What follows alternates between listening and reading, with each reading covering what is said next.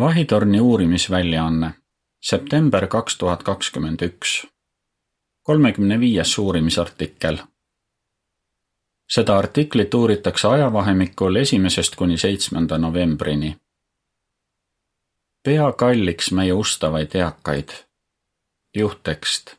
hallid juuksed on kaunis kroon. õpetussõnad kuusteist kolmkümmend üks alguslaul number sada kolmkümmend kaheksa hallid juuksed on kaunis kroon. ülevaade. Jehoovale ustavad eakad kristlased on otsekui kalliskivid. see artikkel aitab meil mõista, miks nad nii väärtuslikud on ja kuidas nende elutarkus ja kogemused meile kasuks tulevad. samuti saame kinnitust, et eakatel on Jehova organisatsioonis väga tähtis roll. lõigud üks ja kaks, A küsimus kuidas me peaksime suhtuma eakatesse kristlastesse? B küsimus, mis küsimusi me selles artiklis arutama hakkame? kui inimesed näevad teemante nende looduslikus keskkonnas, ei pruugi nad neid ära tunda. Nad on lihvimata ega sära. seepärast võivad paljud nendest kalliskividest lihtsalt mööda kõndida. meie ustavad eakad on nagu väärtuslikud teemandid piiblis võrreldakse nende halle juukseid kauni krooniga. õpetussõnad kuusteist kolmkümmend üks ütleb, hallid juuksed on kaunis kroon, mis saadakse, kui käiakse õiguse teel. noorte meeste auks on jõud ja vanade ehteks hallid juuksed.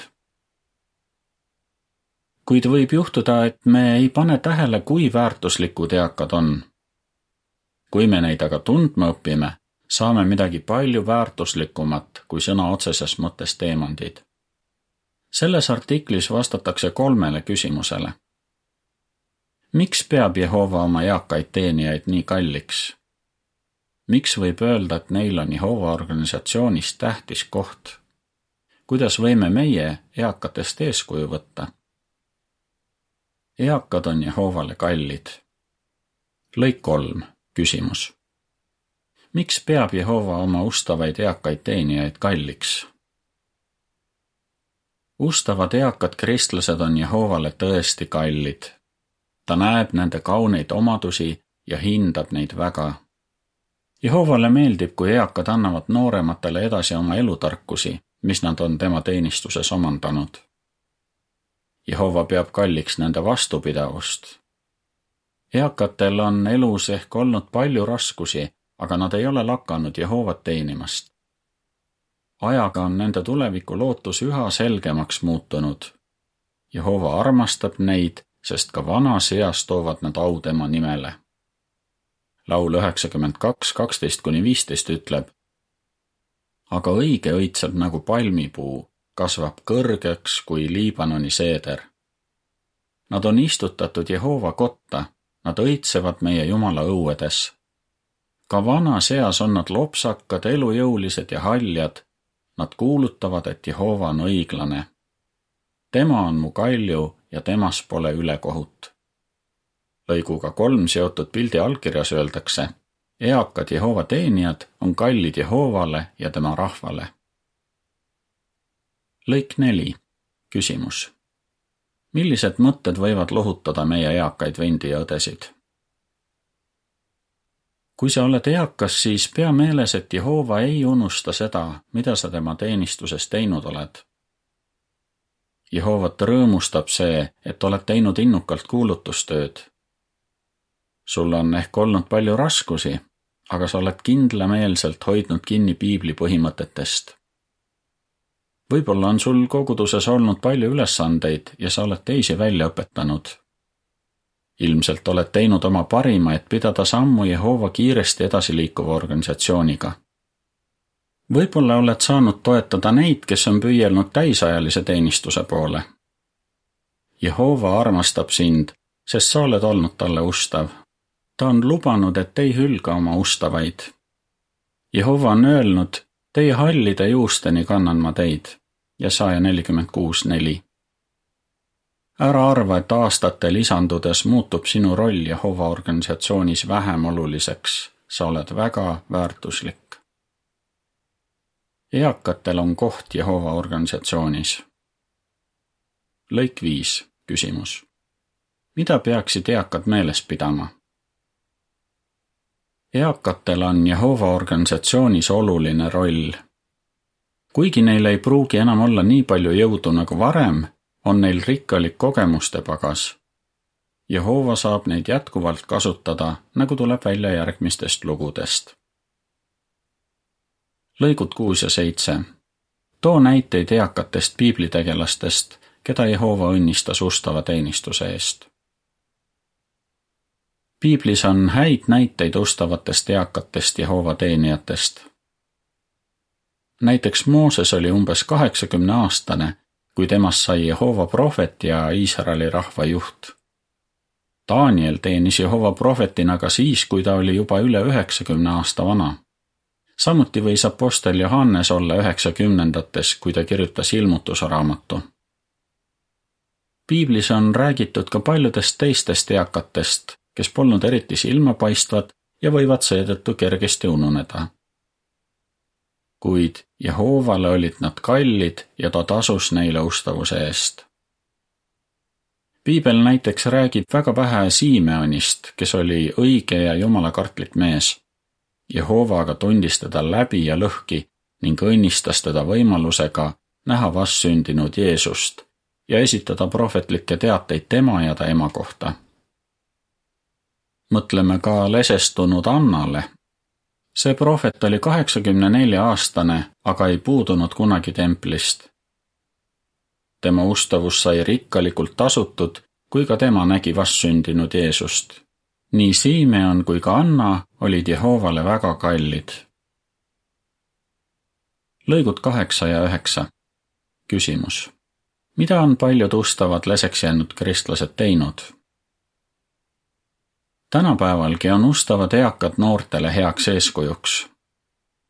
mõtleme näiteks õde Lois Tiidö peale. ta oli kõigest kahekümne ühe aastane, kui hakkas teenima eripioneerina Kanadas. hiljem tegi ta koos abikaasa Johniga palju aastaid ringkonnatööd ja pärast seda teenisid nad Kanada Peetelis rohkem kui kakskümmend aastat. kui Louise oli viiekümne kaheksa aastane, paluti neil Johniga võtta vastu teenistusülesanne Ukrainas. kas nad mõtlesid, et nad on välismaal teenimiseks liiga eakad? ei. Nad võtsid selle ülesande vastu ja John määrati teenima harubüroo komiteesse. kahjuks John suri seitse aastat hiljem, aga Louise otsustas jääda Ukrainasse ka nüüd kaheksakümne ühe aastaselt on Louise toimekas ja armastatud Ukraina Peeteli pereliige leseks jäänuna ei pruugi sellised eakad õed enam nii palju tähelepanu saada. aga see ei tähenda, et nad oleksid vähem väärtuslikud.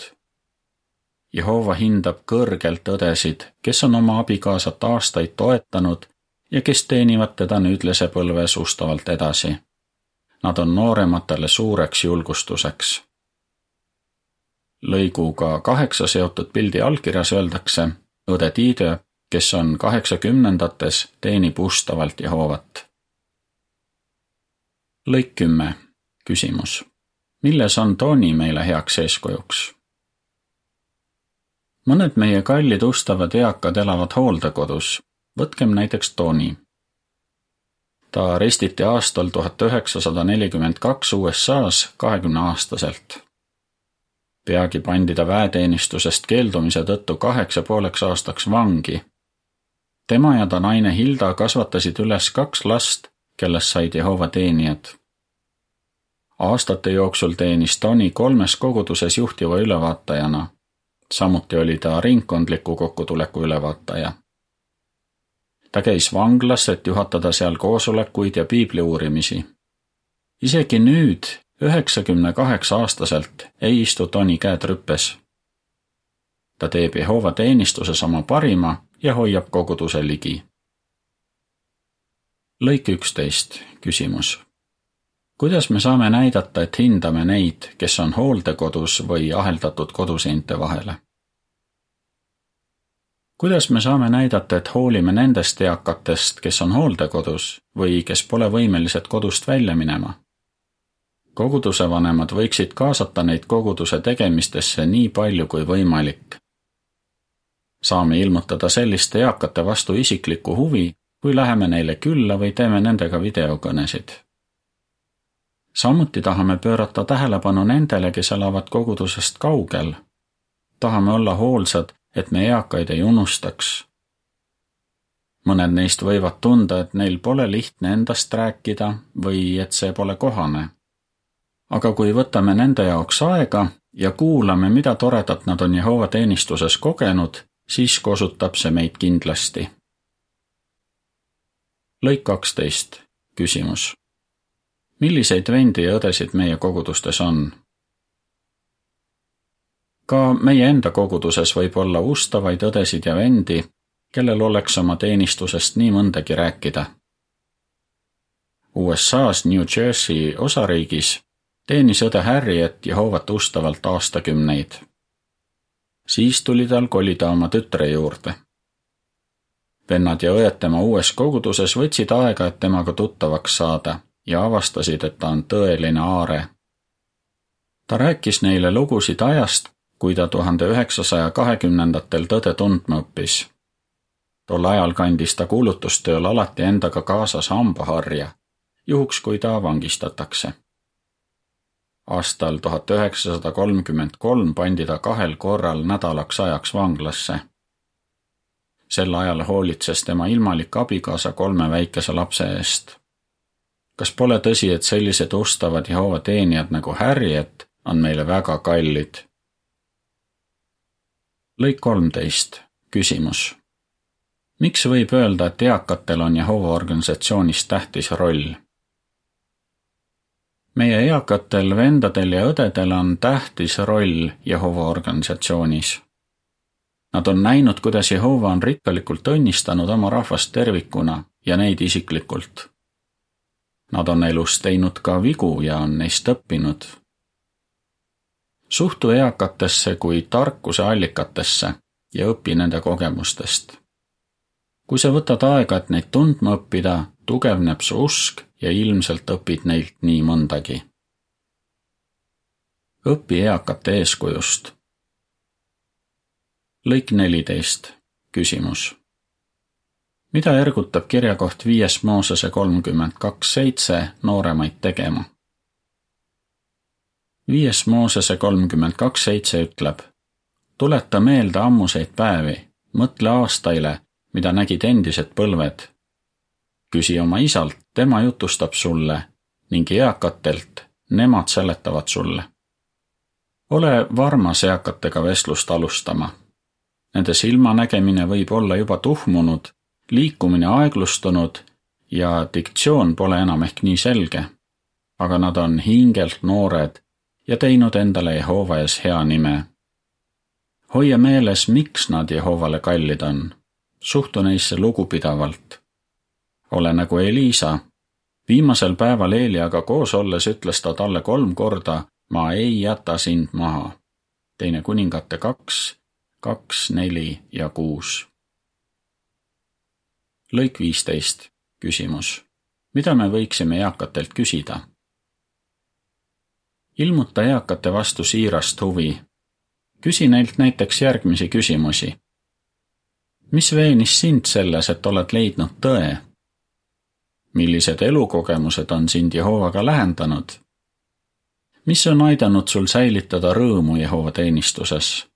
kuula nende vastuseid tähelepanelikult.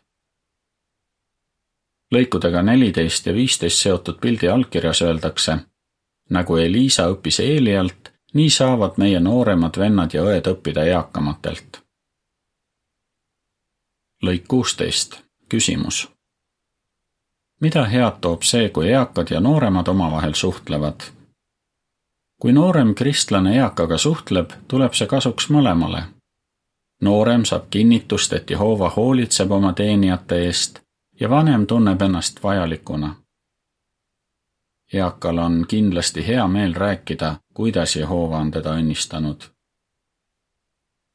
lõik seitseteist, küsimus miks võib öelda, et ustavad eakad kristlased muutuvad aastatega üha kaunimaks?